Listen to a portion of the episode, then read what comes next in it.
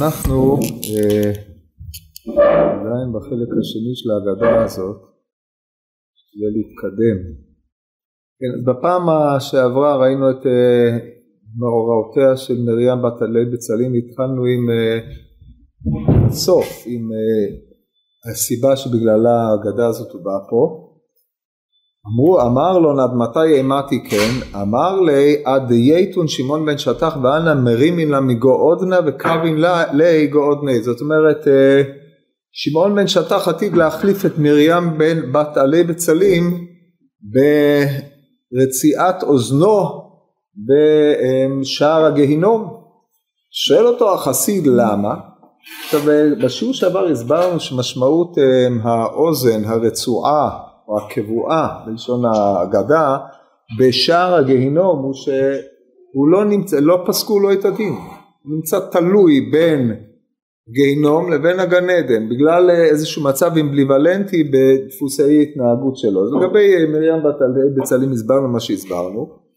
וכמובן אני משתמש במונח רצייה מפני שכתוב ועבדו לעולם והרצייה הזאת היא עד תקופה מסוימת לעולם הוא עד, עד תקופה מסוימת, מסתיימת התקופה, מגיע התקופה של מישהו אחר, כל אחד לפום דרגה דילה היא מייצגת איזשהו עניין מסוים, כעת אה, יגיע שמעון בן שטח עם ייצוג של עניין אחר, אבל הוא גם כן מתאים לכך שדינו מושהה בהתאם למה שהוא עשה בעולם הזה, וזה אנחנו נראה כעת.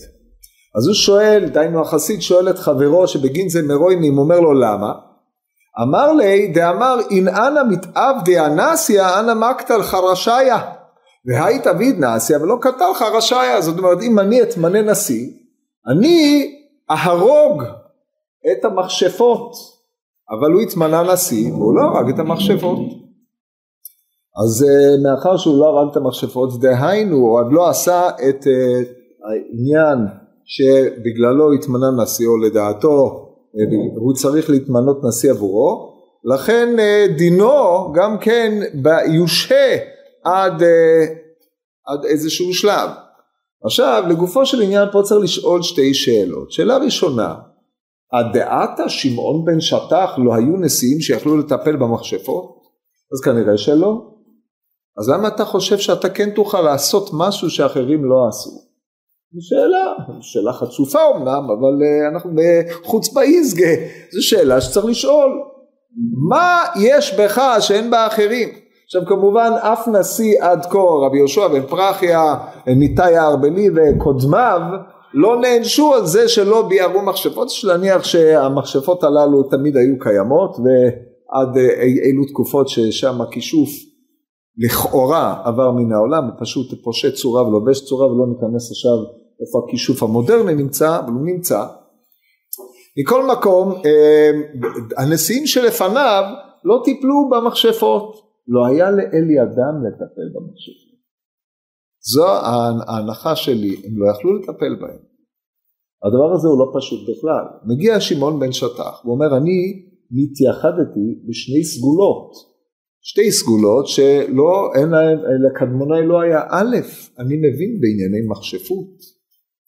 עכשיו הדבר הזה הוא לא פשוט, לא כל אחד יכול אה, להבין בענייני מכשפות, אבל אה, זה צריך נטייה מיוחדת, עוז רוח יוצא מגדר הרגיל, מי שהכוח הכריזמטי והיכול, כוח המשאר שיש למכשפות ולמכשפות וכל העניינים הללו, הפרקטיקות הללו, יש אה, אילו טענות שהעניינים הללו הם אה, יושבים על איזה סגולות מיוחדות שיש לאנשים מחושים יוצאים מגדר הרגיל, אנחנו נראה להלן את עמדת הפוסקים בעניין הזה, אבל אה, הוא אומר אני מכיר את הכוח הפנימי שמביא אדם לידי עמדת מחשבות, לאחרים אין את זה.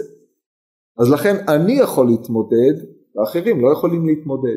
זאת נקודה ראשונה וזה עולה להדיא מהסיפור לקמן מדרכי ההתמודדות שלו שאנחנו נראה שהן יוצאות מגדר הרגיל.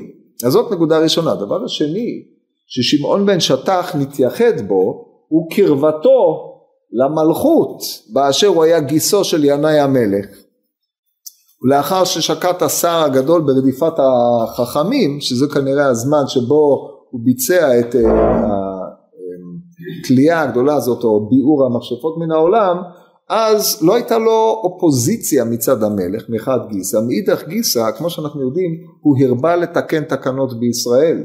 ולכן היה גם רב גוברי והוא ידע שאם הוא יתמנה כנשיא לא תהיה לו אופוזיציה גם בתוך הסנהדרין כדי לבצע פעולות שהן פעולות חריגות שהרי אין ספק שהפעולה הזאת של תליית נשים ביום אחד בלי דין אתה מביא אותם ישר לעמוד התלייה לא שמו אותם בבית הדין ולא שפטו אותם לא קיבלו עליהם עדות לא כלום הדבר הזה זה חריגה או פריצת מסגרת ההלכה בצורה יוצאת מגדר הרגיל שההצדקה היחידה שיכולה להיות לה זה הוראת שעה. עכשיו בכדי לקבל את הוראת השעה הזאת אתה לא יכול להיות מספר שתיים בסנטים, אתה יכול להיות רק מספר אחד, וכולם הולכים אחריך. באשר אתה מכיר את נחיצות העניין מחד גיסא ומאידך גיסא, כיוון שאתה מכיר את נחיצות העניין, חל בך מה שאמרו חכמים בגמורם סנהדרין פ"ב, קריאנה דיגרת היו להווה פרוונקה, שזה בעברית קריאנה איגרת יהיה השליח. אתה מקבל את זה? כן, לך תבצע את זה. אבל הוא אומר אני אבצע את זה ואני צריך הסכמה של כל החכמים לזה שאנחנו הולכים לבצע את זה כי זו פעולה חריגה ביותר אתם תראו להלן פליאה של 80 מכשפות ביום אחד בלי דין בלי עדות בלי כלום. העדות היחידה זה העדות שלו הוא היה שם. ראה את פעולת המכשפות כאשר נכנסו הבחורים הם, הם לא ראו כלום הם פשוט לקחו והלכו. היו 80 עמודי תלייה שמו את כולם בעמודים, משכו את החוטים או בעטו את החבית, תלוי איך אתם רואים את התלייה, יהיה אשר יהיה, כן, שם גם תלו אותם להרבה זמן, לא תלו אותם והורידו אותם עם חשיכה שזה תלייה מיידית לפי הסוגיה במסכת סנדין במשהו שם בגדרי תלייה, לא, תלו אותם כמו שתלו את חמשת בני רצפה בתיה כדי שהעם כולם יראה כולם יתלו, כזה ייעשה למכשפות, כך הוא עשה, הדבר הזה זה פריצת כל השורה ההלכתית הפשוטה. מה מביא אותו לידי זה? האם העובדה שהמכשפות הללו היו עובדות עבודה זרה וכי חסרו עובדי עבודה זרה בישראל? היא הייתה לצערנו הרב בבית שני על אף uh, העובדה שעם ישראל נעו אחרי השם עם תיקונים של uh, בית חשמונאי וענייניה ערים המעורבות הפוליסים היו רוויות עבודה זרה. יהודים גם הם עבדו עבודה זרה. אבל לא רדיפת העבודה זרה היא זו שהביאה לתליית המכשפות ושאם אתה דן אותם כעובדי עבודה זרה אתה צריך לדון אותם לפי סדר הדין.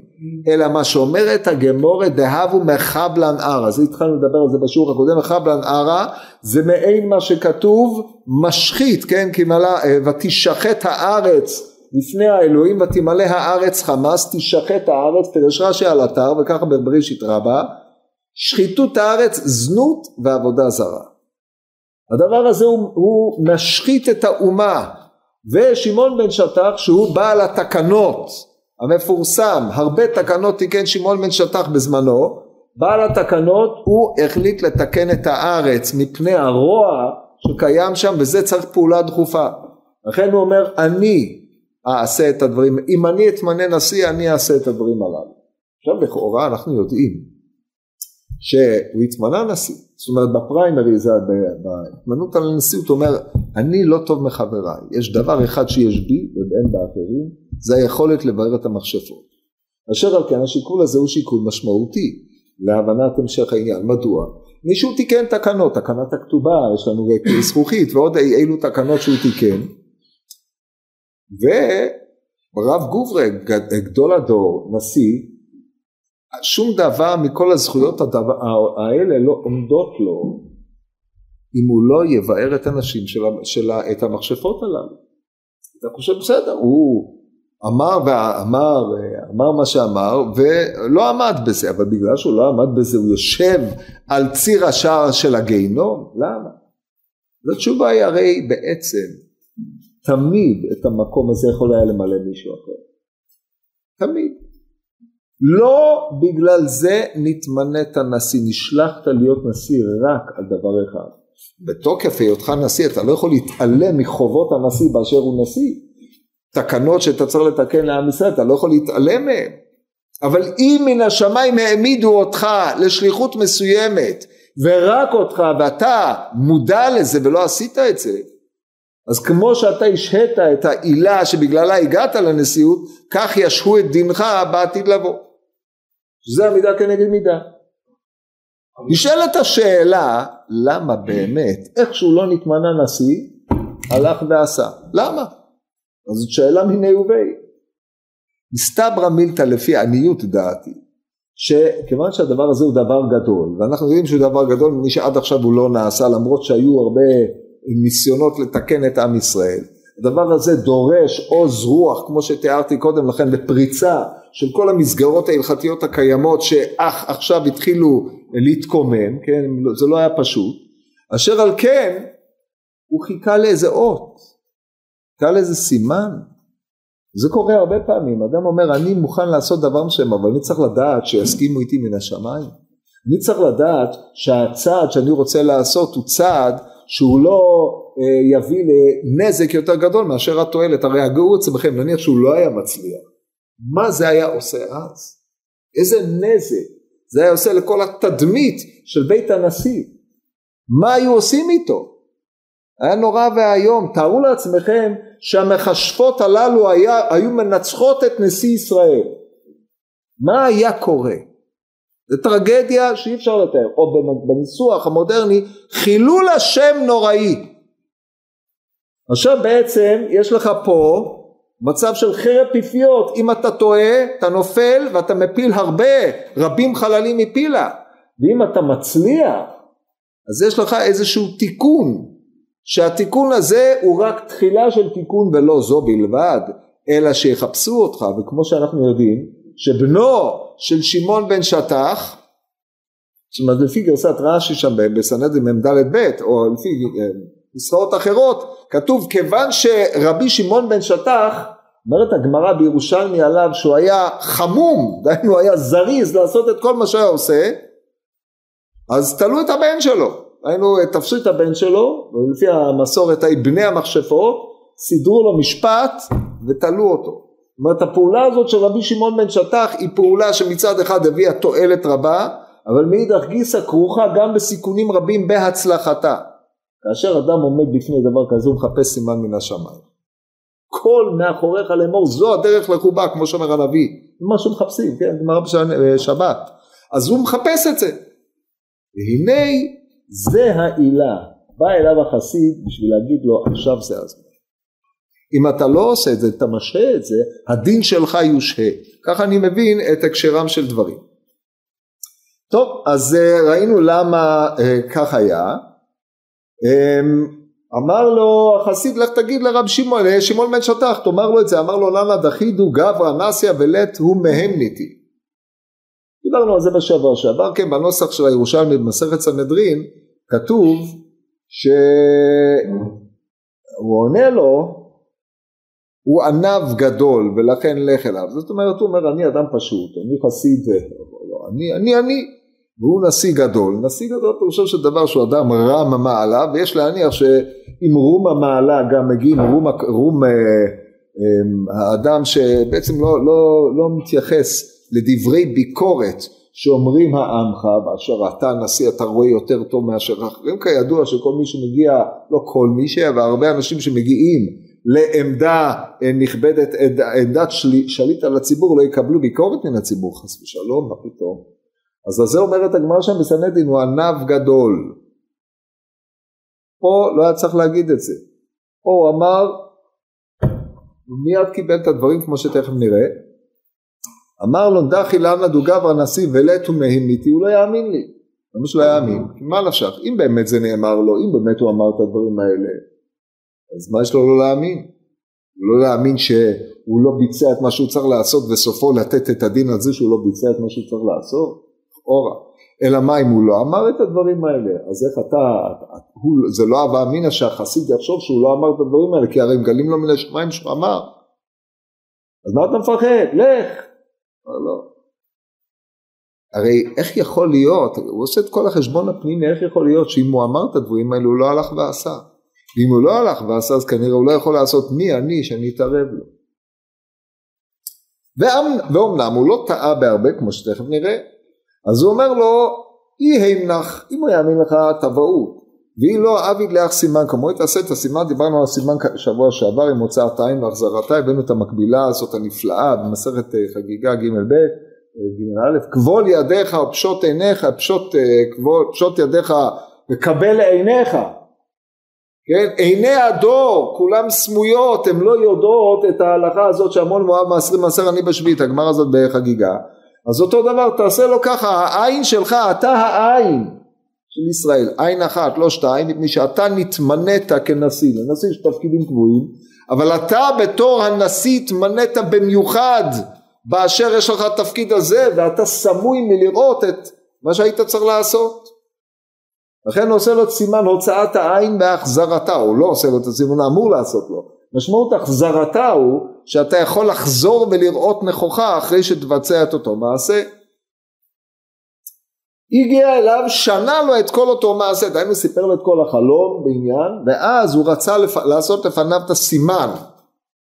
שאלנו למה הוא רצה לעשות לפניו את הסימן, או שהוא לא קיבל תגובה מעודדת משמעון בן שטה, או שהוא השתוקק לעשות את הסימן, עד שמוסרים לך סימן, משמע שבלא הסימן הזה הדברים הללו לא שלמים, שלמות הסימן היא השלמת הדברים. לא, לא, לא, אני לא רוצה שתעשה את הסימן. למה לא? אז פה אומרת הגמרא דברים נפלאים, זה הנוסח מופיע רק אצלנו. אמר לי, ידע אנא דעת כבר חסיד יתר מן מעט יכול אבד. בתרגום לעברית יודע אני שאתה גבר חסיד או אדם חסיד יותר ממה שאתה יכול לעשות. מה זאת אומרת? יותר ממה שאתה יכול לעשות. זאת אומרת, נראה לך שבמופתים ובסימנים אתה יכול לעשות יותר מאשר להיות אדם חסיד? במילים אחרות, אדם שמתגלים לו גילויים כאלה, אין זה אלא חסיד. שהרי הגילויים הללו הם לא לצורכי עצמו, אתה לא יכול לעשות עם הגילויים הללו שום דבר רק בגלל שאתה חסיד, גילו לך את זה מן השמיים. ולכן כל מופת שתעשה הוא מתגמד לעומת הישרות והמעלה שיש לך באשר אתה אדם חסיד. ללמדכם את הפרופורציות בין אותות ומופתים לבין ההנהגה הישרה של אדם חסיד. שאדם חסיד היא במעלה יתרה מכל אות ומופת שהוא יעשה והמאמין על פי האותות יש בליבו דופק כמו שכתב הרמב"ם בדברים עתיקים. מכאן אמרנו בשבוע שעבר שראייתו של שמעון בן שטח איננה פגומה, הוא חד, הוא רואה הכל, הוא מבין, הוא קולט, הוא קולט את מי שעומד לפניו, קולט את מעלתו, מאיפה אתה יודע שהוא חסיד? אמר לך שהוא חסיד, אם אמר לך שהוא חסיד הוא לא חסיד, אז הוא לא אמר לך שהוא חסיד, אז מאיפה אתה יודע שהוא חסיד? זה אדם עם ראיית עומק יוצאת מגדר הרגיל. אז לכן אומר את המופתים שלך אני לא צריך. עצם העובדה שחסיד עומד לפני חסיד זה לא אחד עם גרטל, כן, שתבינו, אולי היה לו גרטל, אבל סביר להניח שלא היה לו, אבל חסיד זה בעל מדרגה. דיברנו על uh, תופעות החסיד כמה וכמה פעמים, לכן כשהוא מאתר את הדבר הזה הוא אומר זה יותר מכל מעשה. הטענה השנייה, כן בסנהדרין זה מופיע משפט מאוחד, היינו הכל כעניין אחד, אבל פה זה מופיע כשני עניינים, ולא עוד אלא בפומי לא אמרית, בליבי חשבית. מעולם לא אמרתי לאף אחד שאם אני אתמנה נשיא אני אבאר את המכשפות. בליבי חשבתי כדברים האלה, ובשבוע שעבר כבר תהינו שאדם שנשבע או נדר בליבו לא מחויב, בטח לא בדברים האלה, אז למה הוא נענש? אלא ודאי, אנחנו לא מודדים את אה, הנשיאות של שמעון בן שטח במידת כל אדם, כי הוא יודע בליבו או, או אומרים לו, מש מן השמיים מינו אותך נשיא, זה לא בגלל הדברים שאחרים יודעים, אלא זה בגלל הדברים שאנחנו יודעים. יש לך מה שאין לאחרים, אתה בעצמך ידעת את זה, אתה כשאמרת אם אני אתמנה נשיא אני אוכל לעשות מה שאחרים לא יכולים לעשות, ומן השמיים מינו אותך, כל הדברים הללו זה כביכול שיח שבין שמעון בן שטח לבין מי שמתמנה כי אדם לא מתמנה בגלל שבחרו אותו בפריימריז הוא קיבל אה, כך וכך מנדטים כן? לב מלכים ושרים ביד השם. השם מה איך כתוב שם מה די מלכיה או מהשני מלכיה מי אמר את זה?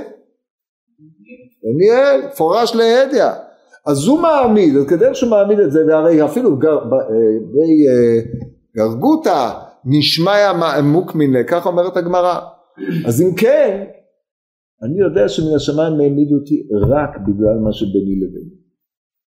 לכן יש לי מחויבות באשר השמיים יודעים והם בעצם הטילו עליי את התפקיד הזה, אף אחד לא יודע, לכן מהלכות נדרים, מהלכות שבועות, כל הצד הגלוי לא קיים פה, כל מה שקיים פה זה היחס בינו לבין השמיים, לכן הדרך היחידה להודיע לו זה מסר שמימי, כמו שהעמדנו אותך בנשיאות, וכשעמדת הנשיא ידעת שמן השמיים העמידו אותך כנשיא בפרט על הדבר הזה, אתה מקבל את המסר השמימי, עכשיו לך תבצע את העניינים הללו. מה קורה?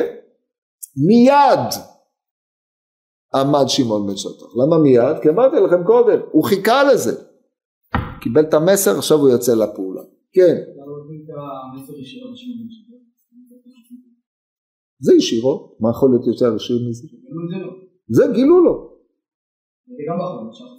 מה? שיראה בחלום מה שהחסיד ראה. לא. זה, אה, למה משמיים עושים ככה ולא אחרת, זה לא שאלה שנוגעת, זה ישיר, זה ברור. החסיד היה צריך לראות את זה כי החסיד היה צריך לראות, כן?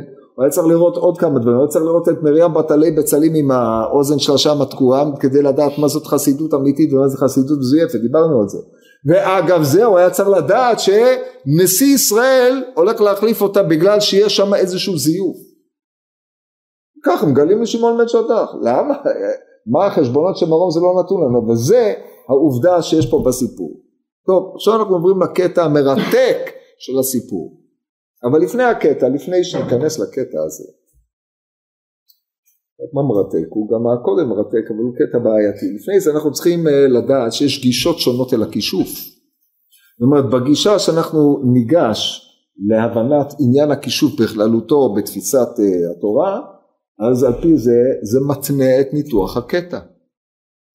עכשיו יש לנו ביסודו של דבר נציג פה שתי גישות חלוקות מן הקצה לקצה. גישת הרמב"ם, גישת הרמב"ם. אם אנחנו ננתח את ההגדה על פי הרמב"ם, אז זה מחייב התבוננות מסוימת בעלת אופי מסוים, דהיינו שכל האותות והמופתים פה אנחנו צריכים להעביר אותם לאיזשהו מישור אליגורי משהו ולבטל את הריאליה שבהם מפני שאין בהם ממש. אבל אם אנחנו ניגש בשיטתו של הרמב"ן הרי העובדה שהן יכולות להציג כל מיני תופעות מפליאות איננה מפליאה בכלל לדעת הרמב"ן מפני שהכישוף זה עובדה הוא חלק מפרקטיקה קיימת בעולם. נגרמונסיה כן? הרמב"ן מתאר אנשים שעשו לפניו אה, מעשי כישוף וזה חלק מהטבע העולמי. ולכן לא ייפלא שיש בכוחם של מכשפות מסוימות לעשות את מה שהן עושות. בהתאם לזה נצטרך לפרש את ההגדה באופן אחר אז קודם כל כדי שתבינו במה הדברים אמורים נפתח בכמה עניינות. אומרת הגמרא במסכת סנהדרין בדף ס"ז אמר רבי יוחנן למה נקרא שמן כשפים? שמכחישים פמליה של מעלה. פמליה. כן הרמב"ם במורה נזכר למונח פמליה צבא השמיים הקדוש ברוך הוא מנהיג את עולמו על ידי מלאכים. זאת אמונתנו. אחד מיסודות התורה כמו שהשריש הרמב"ם המורה חזר על זה חזר שנה ושילש זה מעניין ארון הברית ועוד אילו עניינים. כל הפעולות הנעשות בעולם מרצונו של השם יתברך נעשות על ידי מלאכיו. כל, ה, כל מערכת השמיים שמי השמיים מלאכים הזכלים העליונים כולם שלוחים של הבורא יתברך. אין לאף אחד כוח עצמי זאת אמונתנו. לכן מי שמתפלל למה שלמטה ממנו במציאות עובד עבודה זרה.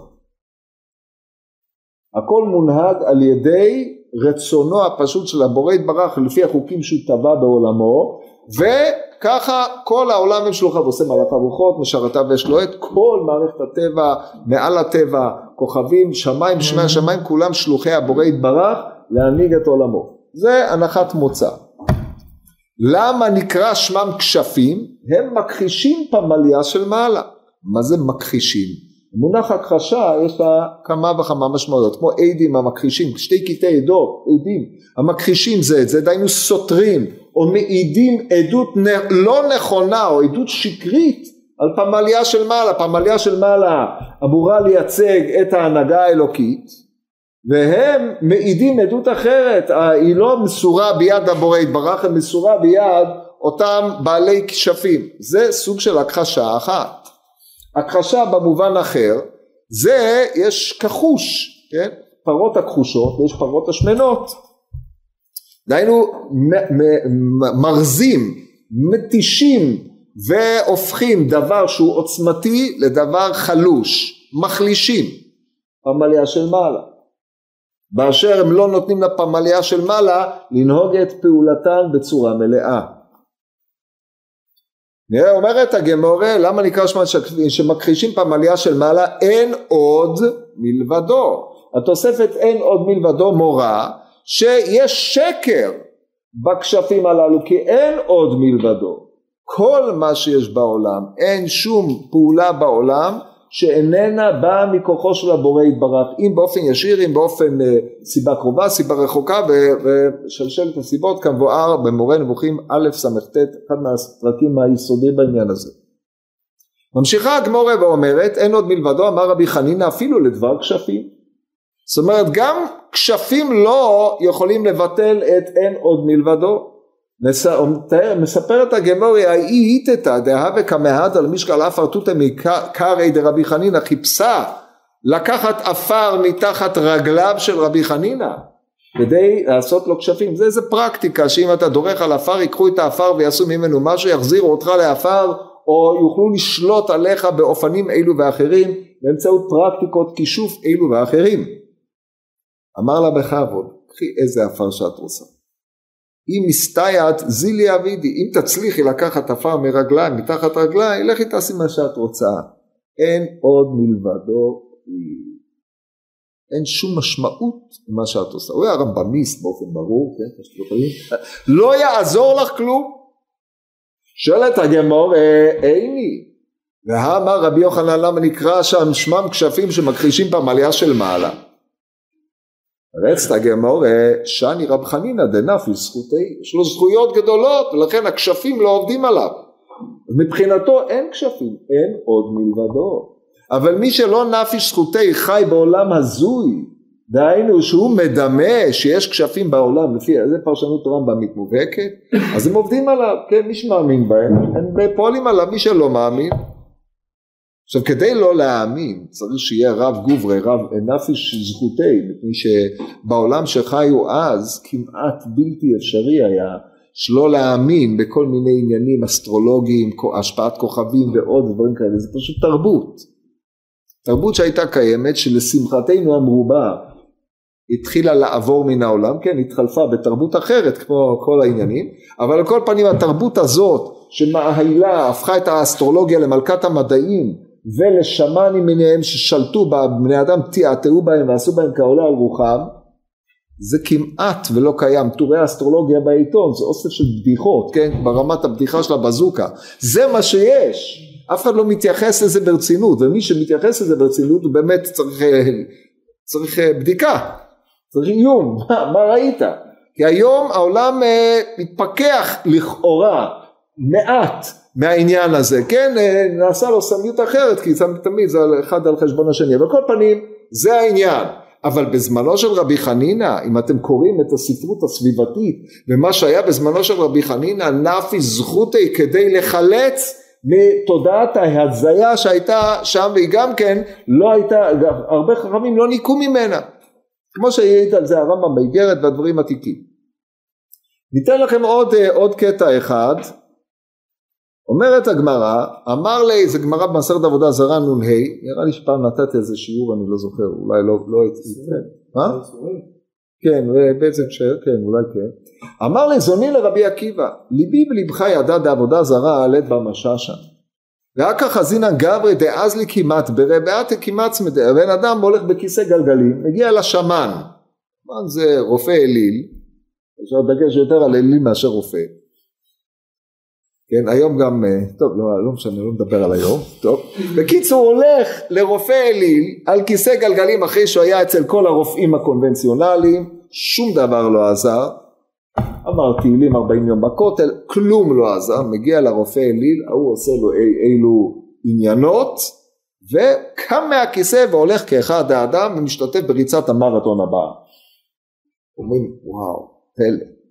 אז הוא אומר אנחנו רואים גברי זה עובד עבודה זרה דאז לכמעט ברבע כמעט מדי מהי טעמה?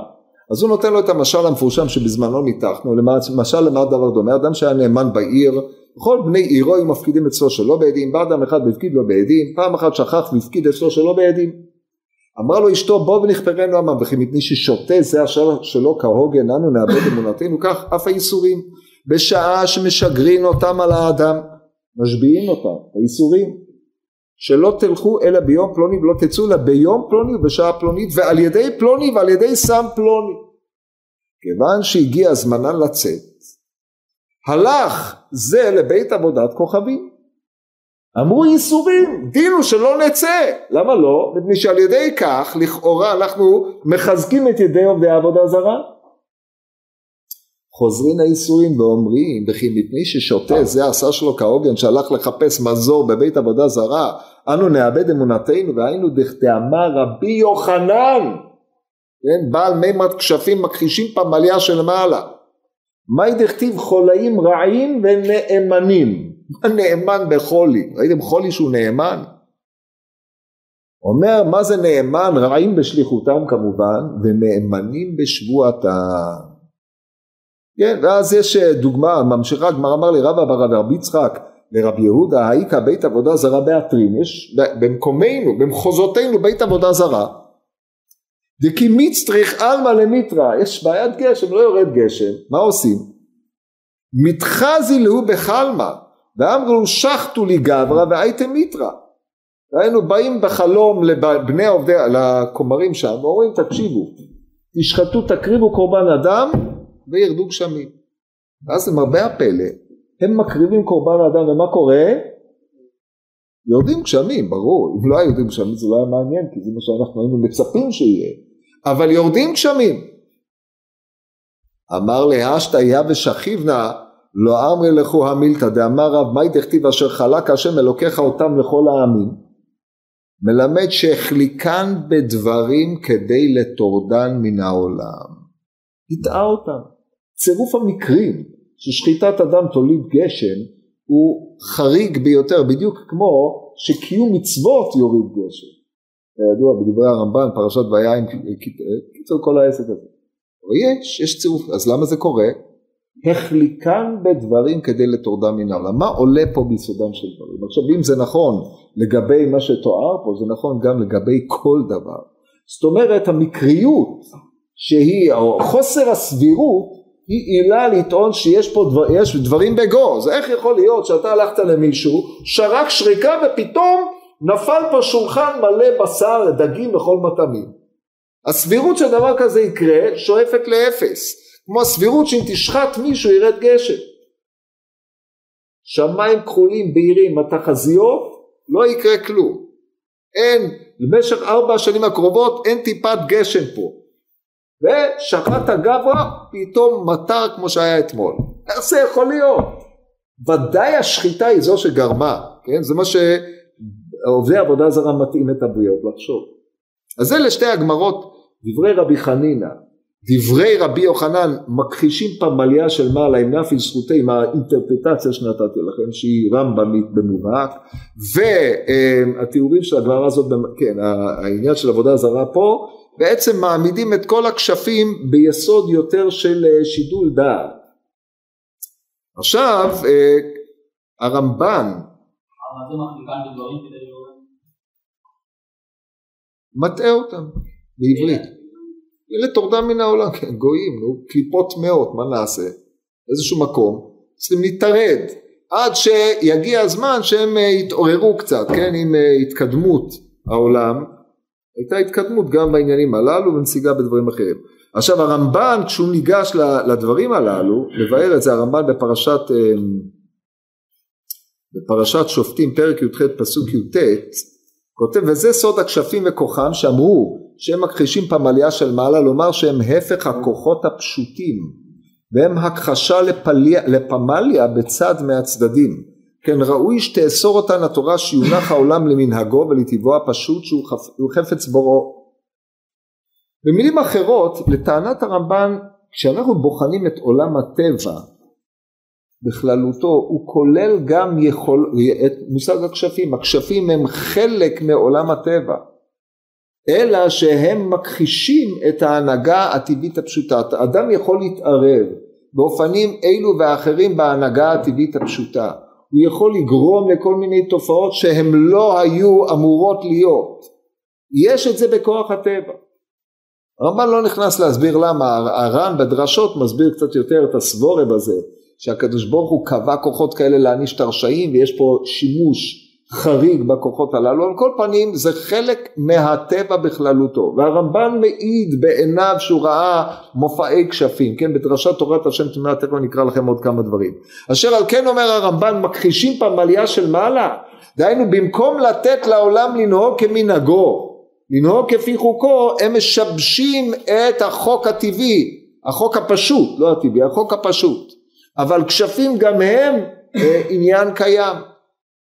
אם ננסח את זה בצורה יותר אה, עמוקה קצת, הרי לפי שיטת הרמב"ן המשכת אלוקות על, אה, על ידי קיום המצוות, המשכה, הורדת, רוחני, הורדת רוחניות בעיני הרמב"ן וקיום המצוות, אה, קירוב ואותיות שם הוויה ברוך הוא על ידי קיום המצוות למיניהם, הם הפרקטיקה של קיום המצוות.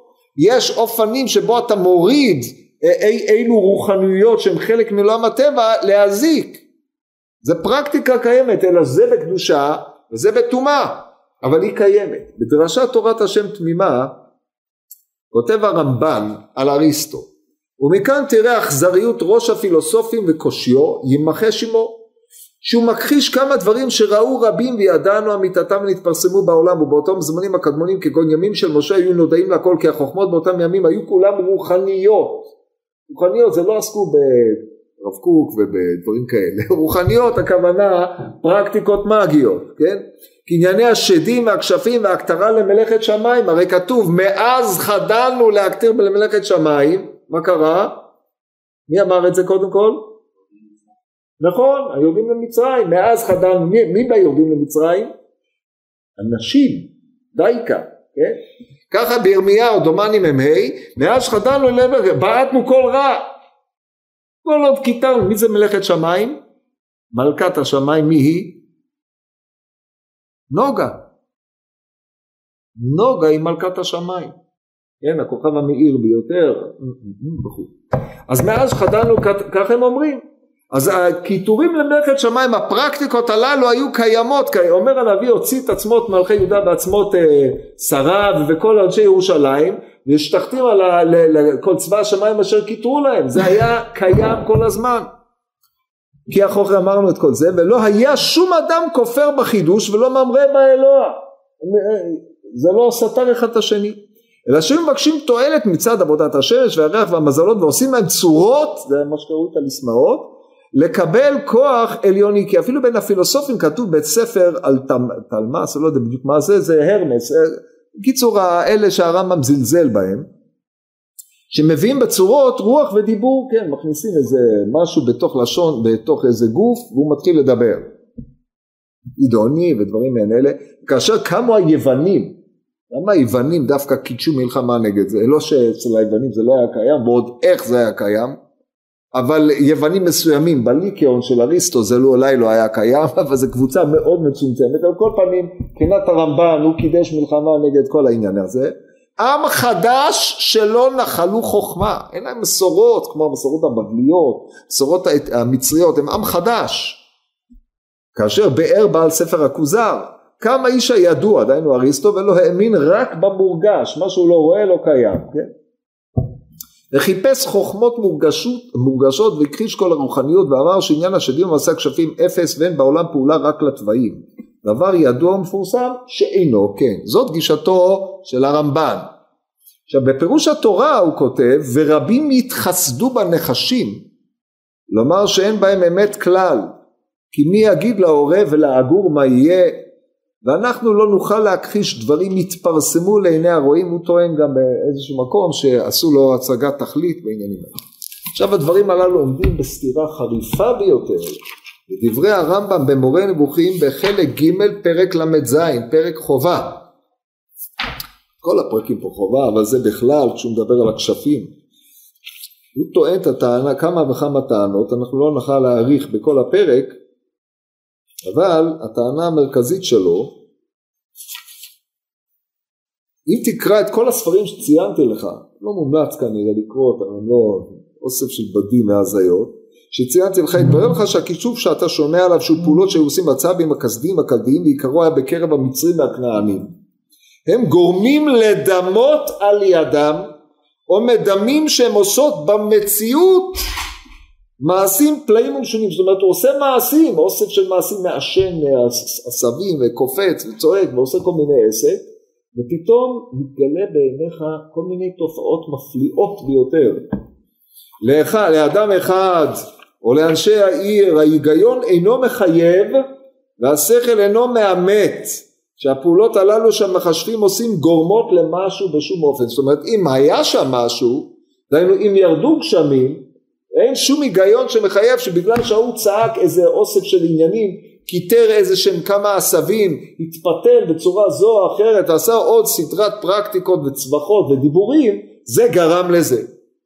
הרמב"ם, הרמב"ם אם כן טוען שאין קשר סיבתי מוכח. אבל ידוע שאם הדבר הזה מביא לרפואה וזה בדוק, כן, אתה עושה, לוקח אוסף אה, תרופות וזה מוביל למרות שאתה לא מבין איך שן של שועל וכל הדברים הללו מולידים רפואה, אבל זה בדוק פעם אחר פעם זה דבר, אבל אצל העוזים האלה טענת הרמב"ם, הרמב"ם היא שזה כמעט לא קורה. זאת אומרת על הצלחה אחת יש איזה מאה אה, אלף כישלונות. ולכן לא למדים, מה, זה, זה מקרי. וככה הוא מתאר פה את כל העניינים הללו וכורך אותם גם בענייני כוכבים ומתאר כמה פרקטיקות ואז הוא אומר לאחר הקדמה זאת שהיא תתעמד לך מתוך קריאת ספריהם שמע את דבריי כיוון ששיפת התורה כולה והציר שהיא סובבת עליו הוא סילוק עבודה זרה ומחיית עקבותיה ושלא ידמו לגבי אף אחד מן הכוכבים שהוא מזיק או מועיל בשום דבר מהמצבים הקיימים לבני אדם כי הדעה הזאת היא מובילה לעבודתה מתחייב בהכרח שיומת כל מכשף כי המכשף הוא בלא ספק עובד עבודה זרה כי אם, אם כי בדרכים המיוחדות ומשונות שאינם דרכי עבודת ההמון לאותן אלוהויות וכיוון שבחלק הגדול מן הפעולות הללו הותנה שיעשו אותם דווקא נשים נאמר מכשפה לא תחיה כן רק שתדעו לכם שלמעלה משלוש מאות אלף נשים טובעו או נשרפו באירופה של uh, ימי הביניים המוקדמים באשמת כישוף. האם הם היו מכשפות או לא? לא ברור שגם הצורה הייתה או שהיא תישרף או שיזרקו אותה לים ואם היא לא תטבע אז אה, זאת אומרת אם היא תטבע אז היא לא הייתה מכשפה. אם היא לא תטבע הייתה מכשפה ואז היא תישרף כן? אז איך שלא יהיה זה משחק מנצח לכל הכיוונים כן? זה גם נורא ואיום. ופה ממשיך וטוען על כל פנים כללו של דבר כל מה שעובדי עבודה זרה תכבלו בו כדי להנציח פולחנה על ידי אשליית בני אדם לגבי הרחקת נזקים מסוימים או הבאת תועלויות מסוימות נכלל בדברי הברית שפולחנה יגרום לאובדן התועלות ולהבאת אותם הנזקים. דהיינו מי שיחזיק בהם הוא מזיק יותר מאשר מועיל. וכל שאר העניינים והתורה מתרחק, מתכוונת להרחיק את דרכי האמורי הכל שקר וכזב. עכשיו אתם מבינים כשאתה בא לנתח אגדה כמו שעומדת לפנינו באיזה עמדה אתה מחזיק? אם אתה מחזיק בעמדת הרמב"ם כל מה שעושות המחשבות הללו למרות שהן פועלות פעולות כישוף שפעולת הכישוף מחייבת אותן סקילה אין הכרח, אין קשר סיבתי ברור. אם היא מטילה איזושהי כישוף על אישה אחרת שבגללה היא לא יכולה להוליד האם בגלל זה היא לא יכולה להוליד או מסיבות אחרות? האם כשהיא מטילה כישוף על פלוני שבגלל זה הוא לא יכול ללכת האם בגלל זה הוא באמת לא יכול היה ללכת או יש עילות אחרות לדברים האלה וכן הלאה על זה הדרך.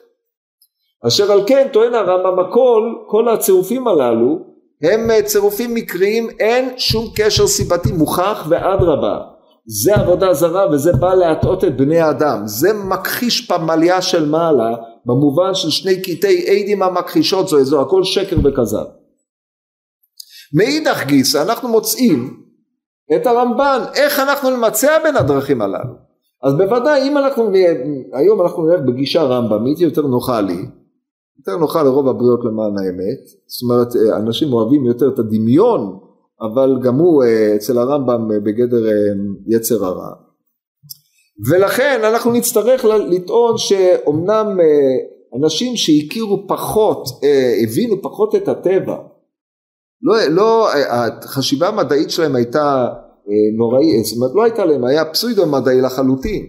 את המגנט לא הבינו, הרי גם עד, עד סוף המאה ה-18, מאה ה-19 לא הבינו את המגנט, המגנט היה מבחינתם פליאה, תופעה פלאית, עד שפענח אותה מקסואל, אבל תופעות נוספות, ודאי שאנשים חיו בעולם דמיוני לחלוטין, עולם הוזה, ורב גוברי של אה, רבי חנינא בן אה, רבי חנינא שהשתחרר מהדברים האלה, כן, יש, זה טליה בפלוגתא יש לישראל מזל, לא אין לישראל מזל, הגמרא בסוף מסכת שבת, שם זה רב חנינא. על כל פנים, על רקע זה אנחנו נראה את ההגדה. מיד עמד, או מה שנספיק ממנה עכשיו, מיד עמד שמעון בן שטח ביום סגריר, ונעשה בימי תומנין גוברין בכירין, דהיינו שמונים בחורים, אה, גברים בחורים, בחורים, ויהב בידון תומנאי לבושים נקיים ויהב גו קדירין חדיתין וכפינון על ראשי הון. נתן להם שמונים לבושים נקיים חדשים, שמונים קדרות, הכניסו את הלבושים לתוך הקדרות והלכו איתם ככה ביום הסגריר. יום סגריר זה יום גשם שאף אחד לא יוצא בו החוצה. אומרת הגמור במסכת ירושלמי, בירושלמי מגילה דומני, שזה מקבילה בבבלי בשבס בק"ד, ק"ד עמוד ב', יום סגריר היה ולא באו רבונו לבית הוועד ונתקבצו שם התינוקות ודרשו את האלף בית, כן, זו הגמרא המפורסמת, לא באו לבית הוועד, אי אפשר לצאת ביום גשם כזה, ביום גשם שלא יוצאים בו החוצה. אז הוא חיכה ליום הגשם הזה כדי ללכת לבקר את המכשפות הללו במערה באשקלון, למה? התשובה היא פשוטה בתכלית, כי ביום כזה כולם יהיו באותה מערה. כולם יתקבצו, אף אחד לא יוצא החוצה. ולכן כולם חוזרות אל שורשן ואל מערתן, ואת זה הוא צריך. הוא צריך את כולם מקובצות במקום אחד. עכשיו הוא צריך לתת להם תירוץ טוב. והתירוץ הטוב, כשאתם כולכם מקובצות, פה יכול להיות שיעור כללי כמו שצריך. אני יכול ללמוד מכם, אתם יכולות ללמוד ממני, אנחנו פה תתרבה החוכמה, אבל כאשר זה בכו וזה בכו, כל אחת, אה, אנחנו רוצים פה קיבוץ של מוחות, סיעור מוחות מה שקרוי. אז לכן הוא חיכה, מבחינתם הוא חיכה ליום הזה, זה התירוץ שהוא יהיה. טוב, למה הבחורים הללו היו צריכים לבוא עם בגדים נקיים, חדשים, ולתת אותם בתוך קדרות חדשות? למה הפרט הזה הוא רלוונטי לסיפור? הרי אם ייכנסו כולם רטובים סחוטים עד לשד עצמותיהם, יגביהו את המכשפות כמו שאנחנו נראה להלן, ייקחו אותם לעמוד התלייה, ישתנה משהו? וכי אם אתה עושה את זה בבגד נקי, שהוצא מתוך חרס חדש או לא, ישתנה הדין? זה פרט שהוא לא בא לידי ביטוי בסיפור, זו שאלה שאתם צריכים לחשוב עליה ולשאול אותה, שאלה ראשונה, כן? לא להימשך אחר העלילה ולהיות סמוי לפרטים האלה, מאחר שהעלילה כולה היא עלילה שהיא יותר סיפורית, הגרעין אמיתי שהוא תלה נשים במחש... אה, באשקלון, כמו תלה נשים, אבל פרטי העלילה הם כדי ללמד אותנו דבר מה.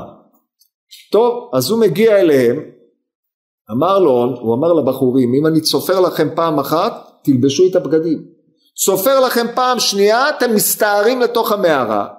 וכיוון דעתון עללים, כיוון שאתם נכנסים כל אחד ואחד מנחון יגוף חדה ויטלטלינה מן הרעה, יחבק אחת ויגביה אותה מן הארץ. צריך להיות בחור בחור כדי להגביה בכשפה. זאת אומרת לא ברור מה הממדים שלה, אבל על כל פנים זה לא פעולה של צניעות יתרה שהוטלה על בחורי ישיבות צדיקים וחסידים, ואלא שאין ברירה, פה צריך לבאר את הרשעה, גם זה הוא היה צריך לעשות.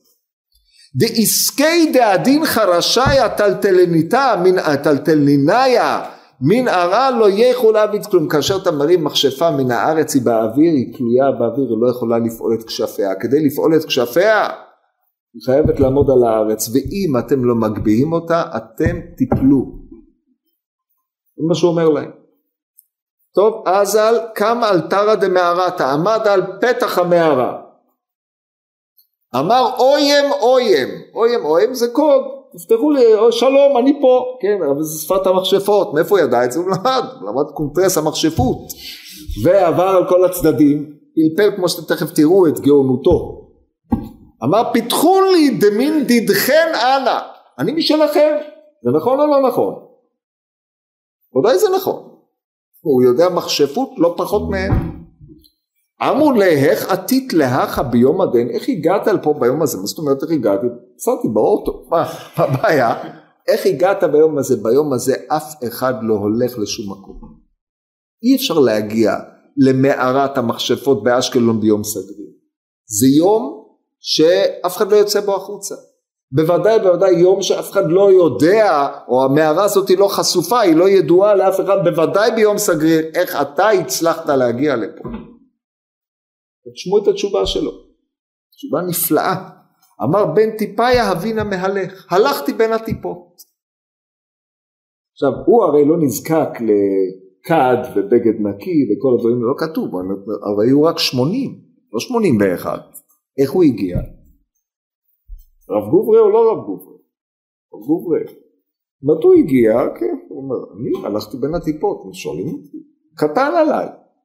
במילים אחרות, הוא ידע להשתמש גם כן באי אילו כוחות כדי להגיע. עכשיו מה פירוש הלכתי בין הטיפות? הרי זה הפך להיות איזושהי מטבע לשונית שמקורה פה. אדם לא הולך בין הטיפות. פירושו של דבר שהטיפות לא נוגעות בו. הוא ביניהם ולא בהם.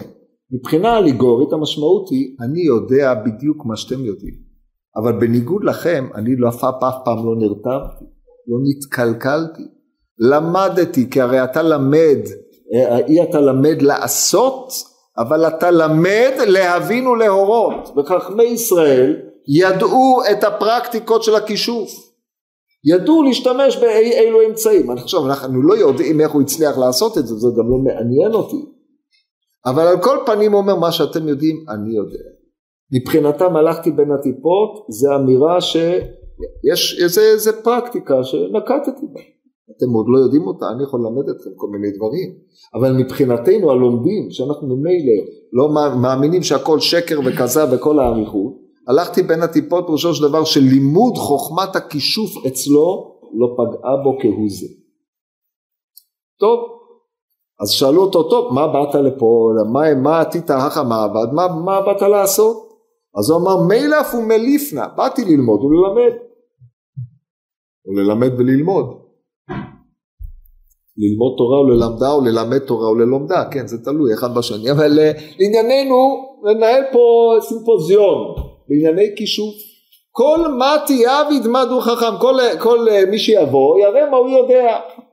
והבת חד מינון אמרה מה די אמרה מה מייטית פיתה ועדה אמרה מה די אמרה מה מייטית קופד ואמרה מה די היא אמרה מייטית תבשילין אמרה די אמרה מייטית חמר בקיצור יש שם מערה ריקה אחת באה אומרת מה שהיא אומרת שולחן לחם בשר יין תבשילים הכל שולחן ערוך ומוכן לסעודה יש רע בזה? מפריע למישהו? כואב למישהו, בגלל זה צריך לתלות 80 מכשפות ביום אחד באשקלון, מי שהן יודעות לטפל בלהפיק סעודה באופן כזה, מה אכפת לך מה זה במערה, את מי זה מעניין? זאת הכישופים שהם עושים זה מראים את כוחם. עכשיו אתה פה צריך לשאול, הרי אני באותה מידה יכולתי לעשות את אותו דבר, הולך לסופר, קונה בשר, לחם, יין, תבשילים, מבשל, אני לא יודע לבשל, אבל הולך למישהו שיודע לבשל, פותח שולחן, עורך את זה, מה זה משנה אם זה לוקח חמש דקות, או דקה, או באמירה. האמירה כשלעצמה לא מנפיקה פה דבר חריג, נכון? אז מה יש במכשפות האלה? אם זה מה שהיו עושות, למה להרוג אותם? זאת אומרת, אולי יש דין, עבודה זרה וכולי וכולי, אבל בלי התראה, בלי עדים ביום אחד, זה נקרא מחבלן ערא? מה בעצם הסיפור? הרי אף אחד לא היה שם חוץ מהעדות של המספר הזה, שהוא מספר שזה מה שהיה במערה, איך הוא יודע מה היה שם? להגיד שזה עבר במסורת כך או לא, זה לא... מה הוא רוצה לומר לנו בסיפור הזה? מה יש באמירה הזאת? זו שאלה נכבדת ביותר. זאת אומרת, אחרי שאתה משתחרר מהריתמוס של אתה בתוך הסיפור וזה מעניין, אז אתה שואל את עצמך, רגע, טוב, מה באת להגיד בסיפור הזה? אז מה? מה יש בזה? זה, מה יש בכישוף? עכשיו נחזור לדברי הרמב"ם, תבינו את העומק של הדברים. הדברים האמיתיים שבגללם בני אדם נזקקים לכישוף זה לא היכולת שלה לייצר בשר, יין, שולחן ועוד שאר דברים, זה לא מעניין. הדברים האמיתיים זה ההשפעות הרעות שיש לכישוף על בני אדם והם היו משתמשים בהם. זה הדברים האמיתיים ואין בהם ממש כמו שהדברים הללו שהם עשו אין בהם תועלת. כי את אותם דברים אפשר היה להשיג באופן בלתי תלוי באירוע הזה. וכאן אנחנו מגיעים לכל העניין של הכישוף, מה שהוא בא בעצם ועשה, הוא בא, לקח את הנשים האלה, האגדה מספרת, הם היו שמונים, שמונים זה מספר, בחשיבה המהר"לית זה מספר שהוא על טבעי, מכחיש פמליה של מעלה, דהיינו מעיד על ההנהגה האלוקית שהיא שקרית, מפני שיש בני אדם שיכולים לעשות דברים על טבעיים, יש בני אדם שבכוחם לעשות דברים נגד רצון השם יתברך, במובן של הנהגת הטבע. זה הכחשת פמליה של מעלה, זה הכל שקר. הכל, כמו שאמרנו בגמרא בעבודה זרה, ככה עולם כמנהגו נוהג ושותים שקלקלו עתידים ליתן את הדין, אין עוד מלבדו, נקודה. אלא שבעיני הבריאות, האנשים הללו יכולים להטעות, מביאים לכל מיני דברים ומביאים תלות של בני אדם בהם. תלות שמשחיתה את הארץ. לא בגלל שהיא אמרה כמה מילים ונהיה לחם או יין או מה שהיה בשולחן, זה, זה, לא, זה לא הנקודה המעניינת. הנקודה המעניינת היא שמה שהם הזיקו בארץ, עכשיו הן מקובצות בתוך המערה, זה מה שהן יודעות לעשות. המערה הזאת היא מערת פריצים של רוע שממנה הן יוצאות להזיק לעולם, שמונים, כמו שאמרנו מספר טיפולוגי, זה שליטה על טבעית. הוא מביא שמונים בחורים, בחורים נקיים, כולם, לבושים נקיים, מה זה לבוש נקי? כתוב בכל עת יהיו בגדיך לבנים נטולי חטא ושמן על ראשך על יחסר הם מכניסים את הלבוש בתוך חרס חדש האדם הוא בבחינת חרס יכול להיטמע ויכול לא הלבוש הנקי זה הפנימיות של האדם היא בתוך המעטה החיצוני שלו והיא צריכה להיות שמורה בתור שכזה זה צורת ההתמודדות. עם מחשבה טהורה דרך נקייה אותם שמונים הם גם כן יכולים להיות מעל הטבע אבל מעל טבע אחר. וזה ההתמודדות הנכונה עם אותן מכשפות.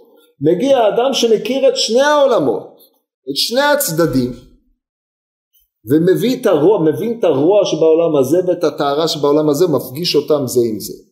הם נכנסים למערות, כבר אין לי זמן כמעט, הם נכנסים ועושה את כל העניינים הללו, כל אחד תופס אחת, לוקח אותה וצולב אותה.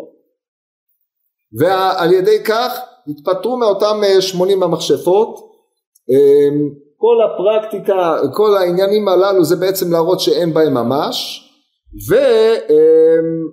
והעובדה שהוא הולך ביום סגריר, שזה הדבר המעניין, זה מפני שהיום הזה הוא יום, מצד אחד הוא יום חשיכה, אבל היום חשיכה הזה הוא זה שמאפשר לו, כמו שאמרנו, להגיע למכשפות הללו ולתלות אותן.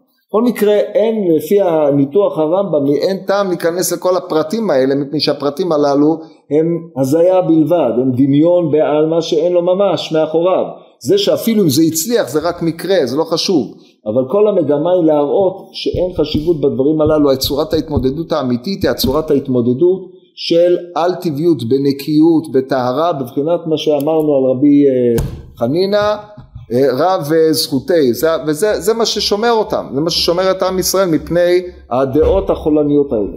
טוב בזה אנחנו מסיימים את העניין הזה ובעזרת השם בשבוע הבא לא יהיה שיעור ובעוד שבועיים אה, נעבור לעבודה אחרת